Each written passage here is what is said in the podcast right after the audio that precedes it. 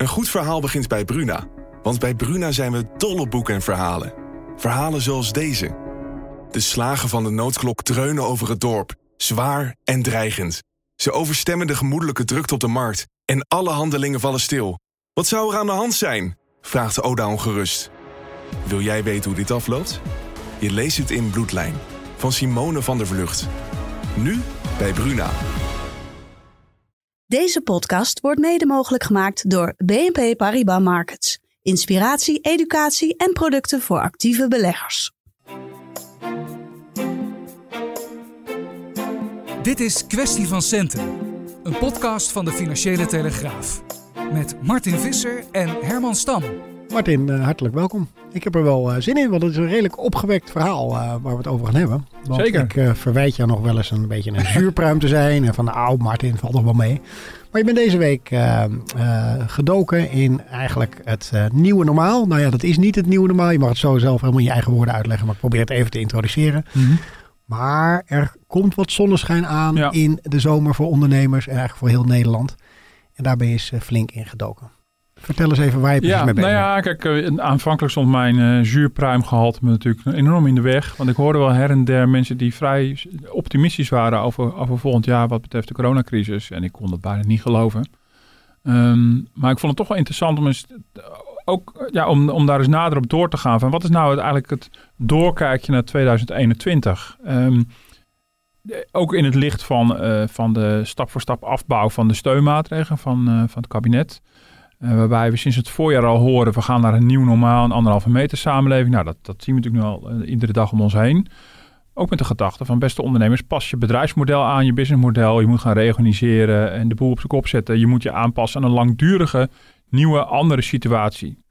Uh, en ik vroeg me af, hoe ziet dat, ziet dat er dan uit? En wat je dan van een heel aantal deskundigen terugkrijgt, is van ja, dat nieuwe normaal, dat bestaat eigenlijk helemaal niet. We zijn onderweg naar een oud normaal en wellicht dat dat volgend jaar zomer al ongeveer gaat beginnen. Ja. Dat vond ik toch inderdaad wel heel uh, Je was ook geïnspireerd, vertelde je me, door eigenlijk verhalen uit China. Hè? Ja, waar ja. Uh, al meer zo'n soort ontwikkeling te zien is. Van onze collega Cindy, uh, correspondent in China. ik zat een verhaal van haar op onze website te lezen. Dat was vorige week ergens. En ik zag het vervolgens ook her en der opduiken bij andere media, ook bij het journaal. En ja, over hoe in, uh, in China eigenlijk men toch weer zoveel mogelijk business as usual probeert op te pakken. Dat betekent uh, dicht, uh, dicht op elkaar in de kroeg, volle restaurants, massa-evenementen, dancefestivals. Um, het is natuurlijk allemaal de vraag of dat blijvend is, hè, want het is nu vakantieseizoen, las ik. En dat is ook wel echt een, denk ik, een grote testcase van gaat het, gaat het ook echt werken? Misschien mm. komen ze van de koude kermis thuis en komt er alsnog weer een coronagolf. Maar je ziet dat ze daar in ieder geval gaan proberen om met alle middelen die we hebben... Uh, en dat is niet alleen dat ene vaccin waar we met z'n allen op zitten te wachten, maar dat is ook de, de massale inzet van testcapaciteit, snel testen, Mhm. -huh. um, strenge quarantaineregels, um, slim traceren testbeleid. Uh, op mijn manier al die dingen gecombineerd in te zetten.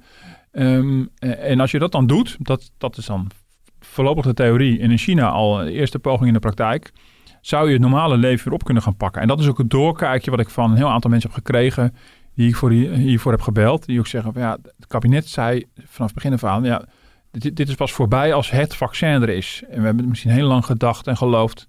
dat er ergens in de nabije of verre toekomst...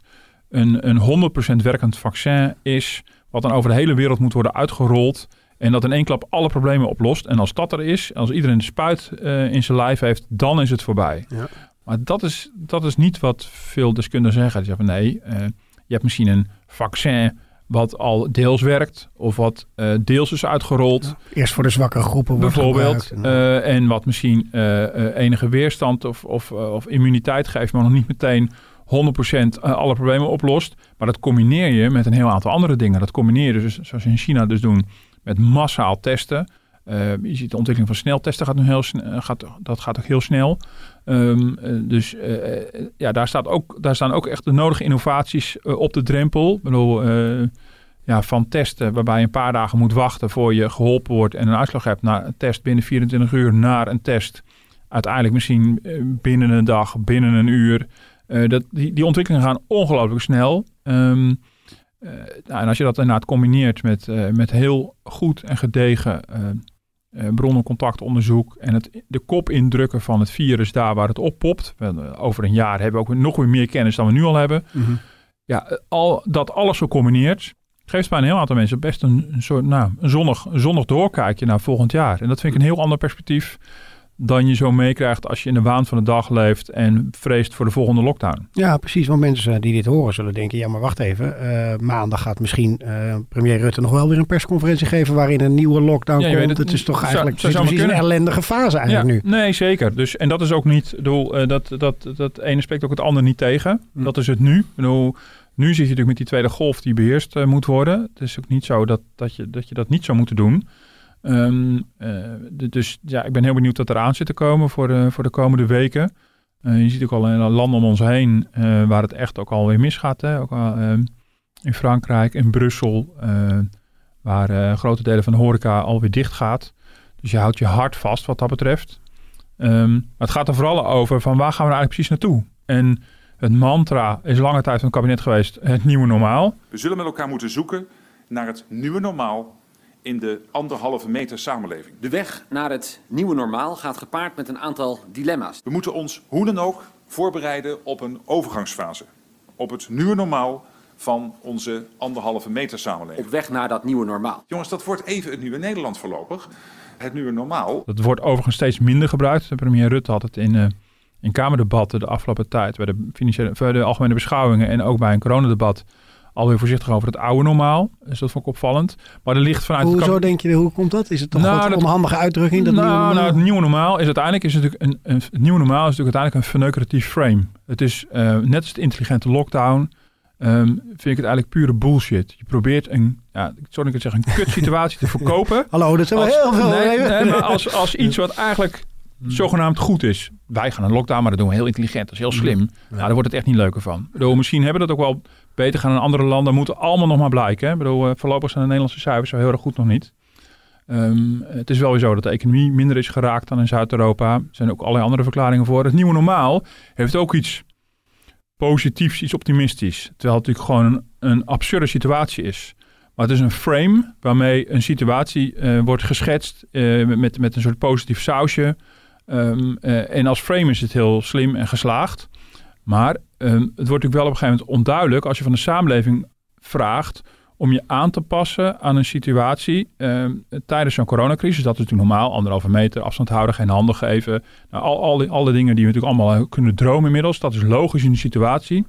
Maar als je dat neerzet alsof dat normaal is, dat is toch problematisch. En ik heb nou, een aantal mensen gebeld die ik echt wel heel serieus neem, die juist ook daar al een tijdje op hameren. Van dit is niet normaal.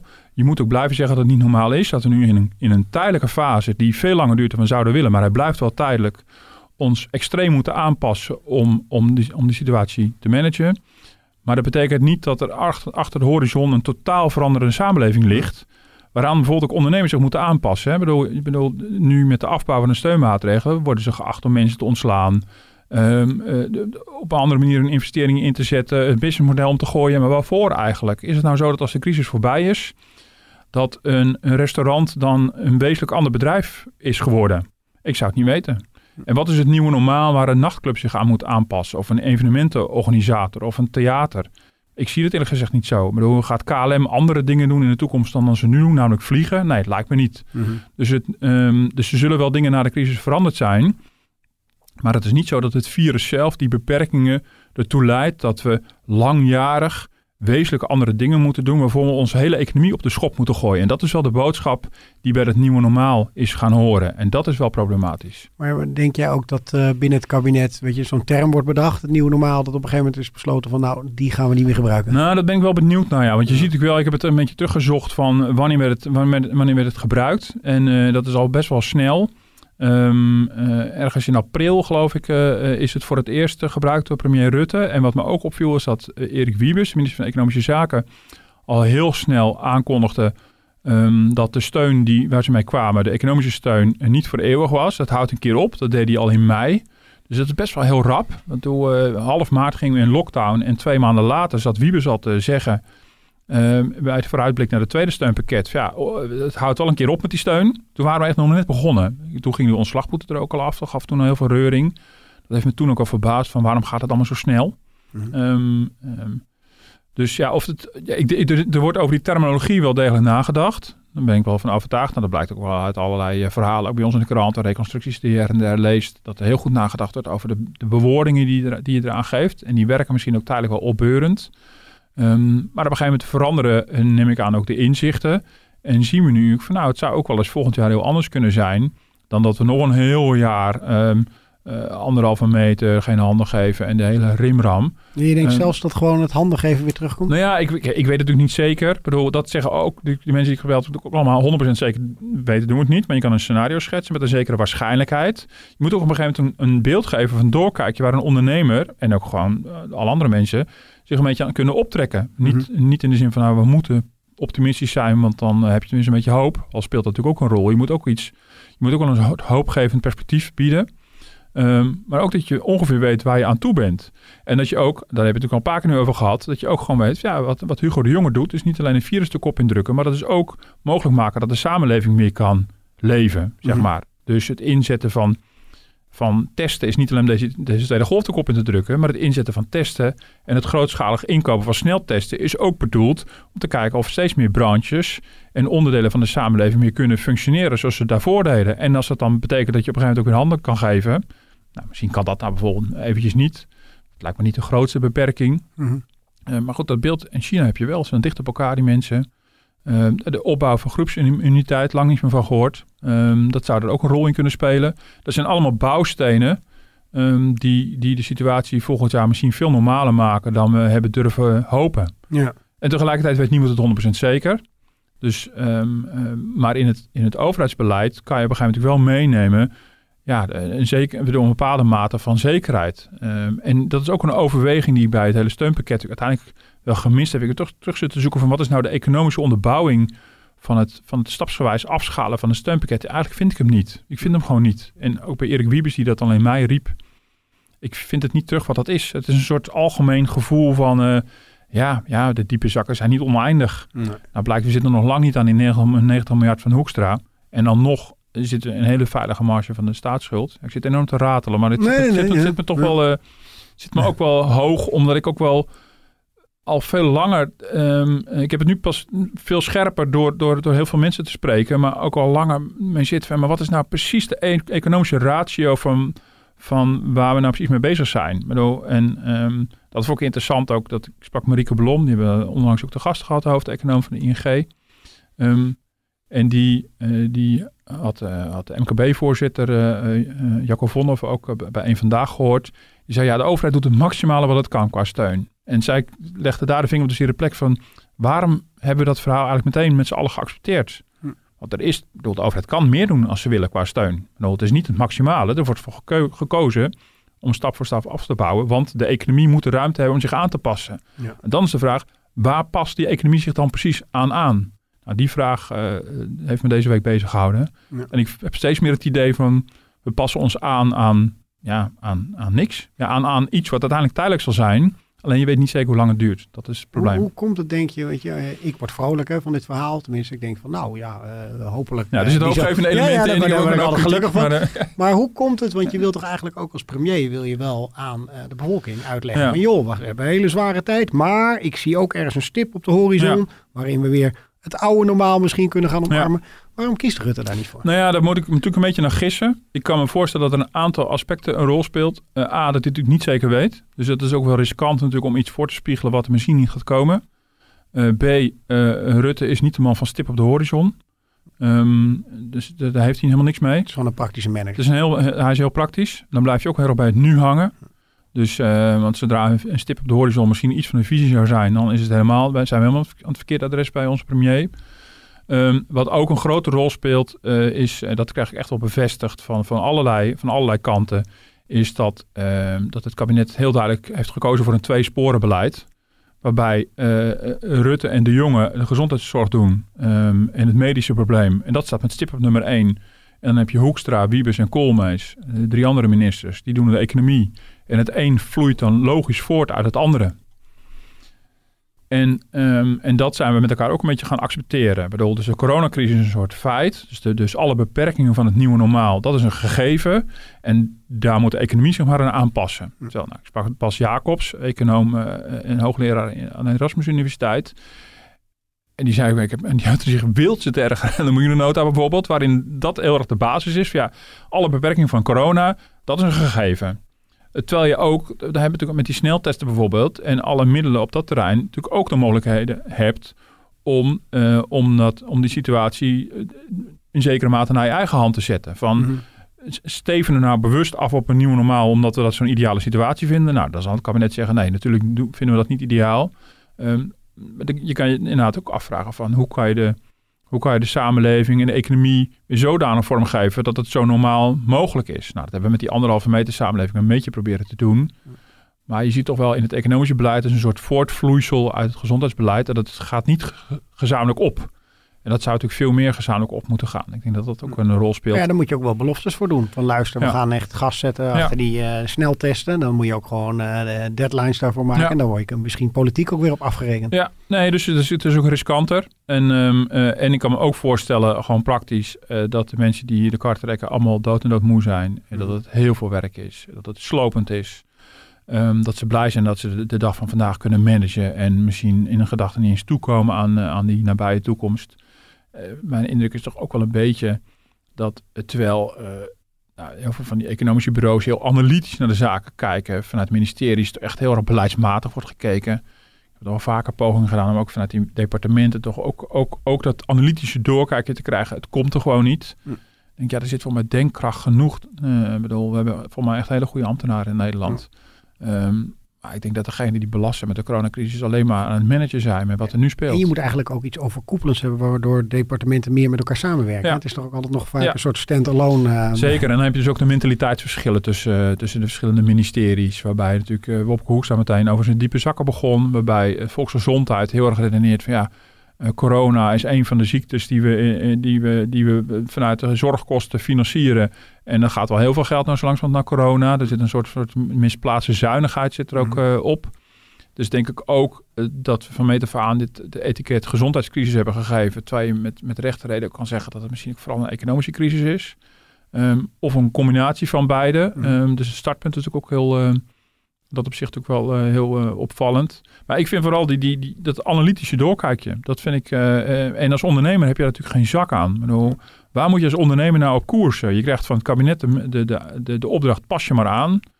Ja, waar, waar, waaraan dan precies? En nou, ik was op een bijeenkomst van ondernemers. Ja, ik wil net vragen ja. van waar wel iemand dit ja, verhaal ja. zo vertelt. Ja. die ik hopelijk voor de krant ook nog kan spreken. Een consultant die, die, die ja, toen ik hem voor het eerst sprak, had ik zoiets nou, dit vind ik allemaal veel te optimistisch. Ik weiger dit te geloven. En gaandeweg heb ik toch wel steeds meer uh, aanwijzingen. En ik van, nou, er zit ook wel wat in. En het helpt in ieder geval om te proberen te begrijpen van waar, waar gaan we naartoe. Je kan je laten leiden door de dag van vandaag. Ja. Maar vertel even, want het is, het is, ja. een, het is een meneer die uh, voor McKinsey werkte. Ja. En die gaat gewoon eigenlijk zaaltjes met ondernemers toespreken. Ja. En, en dan geeft vooral, hij wel meer die stip op de horizon van luisteren. En, en, hij spreekt heel veel CEO's. Uh, dus onwaarschijnlijk, de man heeft zich van alleen maar maanden alleen maar met corona bezig gehouden. Dus je even zijn naam, anders misschien willen de mensen... Over, ja, Sven Smit van, ja. uh, van McKinsey. En um, uh, senior partner. En nou ja, de, de, hij, hij, weet onwaarschijnlijk veel van, uh, van corona en de ontwikkelingen daaromheen. Dus hij haalt heel veel informatie. Nou, McKinsey is natuurlijk gewoon een, een mondiale, wereldwijd opererende consultancybureau. Dus die hebben enorme netwerken, enorme contacten.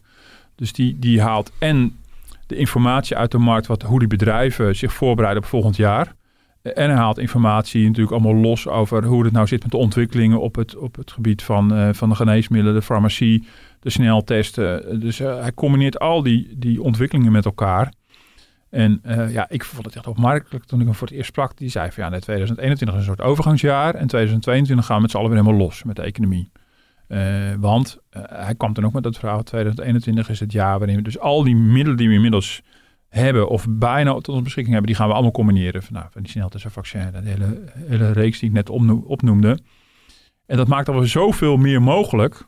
Dus hij probeert ondernemers wel erop te wijzen van nou bereid je daar nou op voor. Ik bedoel, je moet, je moet als je nu je begroting maakt, je financiële plannen, je investeringsplannen wellicht, of je reorganisatieplannen, moet je natuurlijk wel weten van waar ben ik eigenlijk naar onderweg? Maar je moet het wel even kunnen volhouden, hè, dat. Ja, en dat is natuurlijk wel, nee, zeker. Ik bedoel, maar dat, dat roept natuurlijk weer de vraag over die steun natuurlijk weer op. Mhm. En eh, ik vind het opvallend dat de werkgeversorganisaties dus ook heel erg mee zijn gegaan in, in, eh, in het denken van het kabinet. En daar zit voor mij heel erg achter. En uiteindelijk een vrij klassieke ruil. Aanvankelijk was het natuurlijk een steun, die was massief van het kabinet, inclusief een ontslagboete. Dus die was op het behoud van de bedrijven, maar ook het behoud van werkgelegenheid. Dat betekent dat bedrijven niet konden reorganiseren. Terwijl op een gegeven moment in, zo'n crisis is natuurlijk heel logisch dat een bedrijf denkt, ja, ik moet, ik moet in de kosten gaan snijden, want anders overleef ik het niet. Dus die ontslagboete moest natuurlijk van de werkgevers af. Nou ja, dat is uiteindelijk ook gebeurd. En in ruil daarvoor wordt ook de steun verlaagd. Dus voor hun is dat een hele logische, hele logische ruil. Dus ik heb ook die vragen die ik hierover had ook voorgelegd bij, die werkgeversorganisaties. Ja, maar hoe logisch is het eigenlijk dat je je nu moet aanpassen aan een situatie die, die, in, die met zekerheid tijdelijk is. We weten alleen niet hoe lang dat tijdelijk duurt. Ja, daar komen in mijn beleving toch een beetje niet zo veelzeggende antwoorden op. Mhm. En dan zie je dus dat ze vooral willen kunnen reorganiseren. Dus snijden in de kosten. Mhm. Maar je zou kunnen zeggen, ehm, eh, en er zijn ook wel degelijk. Eh, nou, nou, ING had ook weer uitgezocht met een aantal diepte-interviews met economen van hoe denkt men erover. En het was een beetje 50-50 verdeeld. Er zijn een aantal economen die vinden nou, je moet het afbouwen, want anders hou je bedrijven in leven, zombiebedrijven, die normaal gesproken om zouden zijn gevallen. Nou, dat zie je dit jaar zijn er minder faillissementen dan vorig jaar. Wat raar is in de crisis. Dus er zijn bedrijven overeind gebleven die het anders niet hadden gered. Ook niet zonder de crisis. Ehm, en daar tegenover staat de helft van de economen die zegt van nee, ehm, de, de meerwaarde die je hebt van zoveel mogelijk overeind houden is zoveel meer dan het nadeel van het eh, ook wat zombiebedrijven overeind houden, dat je dat altijd zal moeten doen. Ik bedoel, als er geen opdracht is om je aan te passen aan een soort nieuwe inrichting van de economie, dan is het eigenlijk totale kapitaalvernietiging als je nu in de komende maanden heel veel werkgelegenheid kapot laat gaan, heel veel bedrijven kapot laat gaan. Dat is dan helemaal niet logisch Mhm. die evenementenorganisator dan toch maar weer, die met al zijn spullen zit, die heeft een enorme voorraad, die heeft personeel, en die zou er beter aan doen eh, om alles in te zetten, die voorbeelden zijn er overigens ook hoor, om zijn personeel tijdelijk elders te detacheren ehm, en met zijn bedrijf in de slaapstand te gaan. Dat is overigens iets wat, wat MKB Nederland wel heel graag wil. Dan dat hij op een gegeven moment echt op de fles gaat, iedereen op straat staat en ook zijn hele voorraad weg moet. Nou, niemand die dat kan kappen. Wat moet je met Maar hoe spullen? ga je met je bedrijf in de slaapstand? Ja, nou, daar, daar wordt al, al een poos over nagedacht. Maar dat, dat heeft nog steeds geen handen en voeten. Dat zou een soort, een soort pauzefaillissement moeten zijn. Dat zou een oplossing kunnen zijn. Ehm, eh, da- daar wordt, wordt al een tijdje aan gewerkt. Maar dat schijnt heel ingewikkeld te zijn. Want dat betekent dus dat je, dat je schuldeisers allemaal eh, eh, buiten, op afstand moet houden voor, voor langere tijd. Ja, het ja, noem het een soort surseance van betalingachtig. Maar dat je, geval, dat je bedrijf echt helemaal in rusten komt. Maar dat je wel misschien het een en ander kan aanhouden. Maar ja, in, in dit, in dit scenario wordt ook aan gedacht om alle personeel toch te ontslaan. Ja, ik vraag me af of dat werkt. Maar het andere uiterste, en dat is het politiek dus blijkbaar al gepasseerd station, is dat je had gezegd, zeg maar, die, die volledige steun van, vanaf begin maart, die had je ook gewoon door kunnen trekken. Mhm. Ehm, eh, dus dat zou de logische consequentie zijn als je gelooft in het doorkijkje naar 2021. En die vraag, en ik, ik heb natuurlijk zelf niet de, de waarheid in pacht en ik weet ook niet het definitieve antwoord. Maar ik vind het wel opvallend dat, dat die analyse eigenlijk niet of nauwelijks achter het overheidsbeleid ligt. Dat we inderdaad vrij, vrij gemakkelijk zijn meegegaan in die redenering van ja, nee, nu moet je je aanpassen. Dat, en dat komt volgens mij, denk ik, voort uit het pessimisme dat we zo in april, mei hadden. Toen het tot ons door begon te dringen hoe langdurig dit ging zijn. Want weet je, eh, ik weet niet of jij dat nog voor ogen hebt, maar in maart dachten we, dit is niet best. Maar nog met een paar maanden, dan is alles weer voorbij. Mhm. Dat, dus ik had het in ieder Zeker, geval. ja. En achteraf klinkt dat onwaarschijnlijk naïef. Eh, maar dat hadden we het voor mij toch allemaal een beetje. Van, nou, dat is, Ja, maar daarom ben ik ook zo bang dat we iets naïef zijn. Dat we denken, ja, maar dan is het volgend jaar. Ja, nou, maar daarom, eh, nee, zeker, dat, dat kan. Maar als je al kijkt wat je voor kennis bijvoorbeeld van het virus inmiddels hebt vergeleken met maart. Ik bedoel, als je natuurlijk al kijkt dat de, dat de vooruitzichten zijn, dat, dat is maar een voorbeeld hoor, dat eh, de gemiddelde opnameduur op een IC aanzienlijk lager is dan toen. Omdat we al, ook op dat terrein al veel meer weten. Bedoel, het was natuurlijk steeds een mantra met 50% van de kennis moet 100% van de beslissingen nemen. Mhm. En misschien dat we in maart met 10% van de kennis 100% van de beslissing hebben genomen. Maar die, dat kennispercentage is natuurlijk wel toegenomen. En de middelen die we hebben is ook toegenomen. Eh was ook een van de voorspellingen van die, eh, van die consultant van McKinsey. Die zei van, eh, een van de lessen is dat, dat is even een kleine zijpad, dat we in de toekomst nooit meer zo lang zullen wachten op een vaccin. Ik bedoel, er zijn gewoon allerlei eh, ziektes en aandoeningen waar heel lang gewacht is en het duurt de ontwikkeling. En het Mhm. blijkt dus dat als er, nou dit is dan mondiaal, als er zoveel druk op staat, dat het mogelijk is om heel snel, heel snel te, te handelen, ook in zo'n eh, farmaceutische sector. Binnen eh, eigenlijk een jaar ongeveer. hè, Ja, als je het dan- en het ja. is er nog niet. Het is nog niet uitgerold over de hele wereld. Dus, dus misschien is het allemaal net iets optimistisch. Maar ik bedoel, onder die enorme druk kan er heel veel. Dus probeer, kijk, we zitten nu in oktober. Ehm, dus we zitten alweer zeven maanden af van maart. En denk nou eens over zeven maanden weer verder. Mhm. eh, wat je dan al eh, tot je beschikking zou kunnen hebben. eh, en wat je aan kennis alweer hebt vergaard. En daar is het op gebaseerd. Ja. Ehm, eh, dus, nou goed. En dat is ook ook met die steunmaatregelen zou je kunnen zeggen, ja, toch, maar misschien blijkt dan straks in de zomer alsnog dat het weggegooid geld is geweest.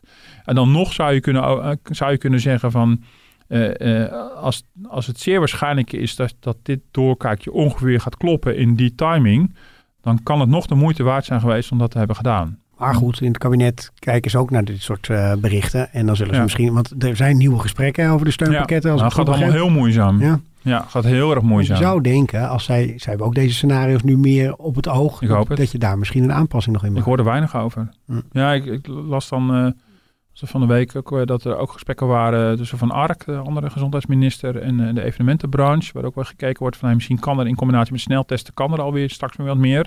Ja, dat moet wel snel op gang gaan komen. Mhm. En, ehm, en ik begrijp ook hoor, dat is ongelooflijk moeilijk. Want dat is echt een verschil tussen een economisch bureau van een bank. eh, of, of, of, een, of een afdeling van een universiteit die zonder enige verantwoordelijkheid natuurlijk economische analyse kunnen geven, voorspellingen kunnen doen, die, die een minister natuurlijk veel moeilijker voor zijn rekening kan nemen. Die is politiek verantwoordelijk, wordt erop afgerekend, zeker met de verkiezingen aantocht. Dus het is misschien ook vanaf de zijlijn, ook hier weer makkelijk praten, laat ik dat ook nog een keer gezegd hebben. Mhm.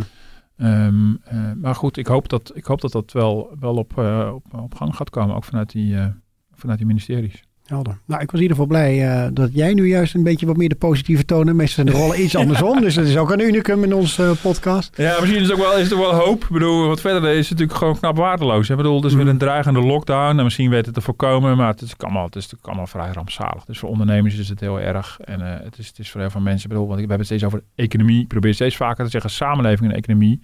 Want de economie lijkt alleen maar om geld te gaan. Maar we willen ook heel graag met z'n allen gewoon naar het restaurant kunnen gaan, naar feesten en weet ik wat allemaal. En het sociale leven en die beperkingen zijn we natuurlijk ontzettend beu. Dus het is ook te hopen dat dat, dat, dat, nou, dat optimisme dat dat ook uit gaat komen. En dat we ook alles in stelling brengen. Ook organiseren en in capaciteit inkopen. Dan gaat het ook vaak mis. Ehm, dat we niet straks achter allerlei andere, andere landen aan hobbelen. Nou, ik ga er een weekje van bij komen. Ik ga een weekje vakantie. Dat moet ook gewoon gebeuren. Ja, ook al kan je bijna goed. nergens meer heen. Maar eh, misschien hebben we volgende week wel een podcast met een andere presentator. Mocht er eh, eh, belangrijk nieuws nog uit de persconferentie met Rutte komen. En anders slaan we even een weekje over. En dan kunt u ons weer luisteren over twee weken. Eh, te beluisteren dus op Spotify en op iTunes. En u kunt ons ook mailen op podcast.dft.nl. Dankjewel, Martin. Ja, tot de volgende keer.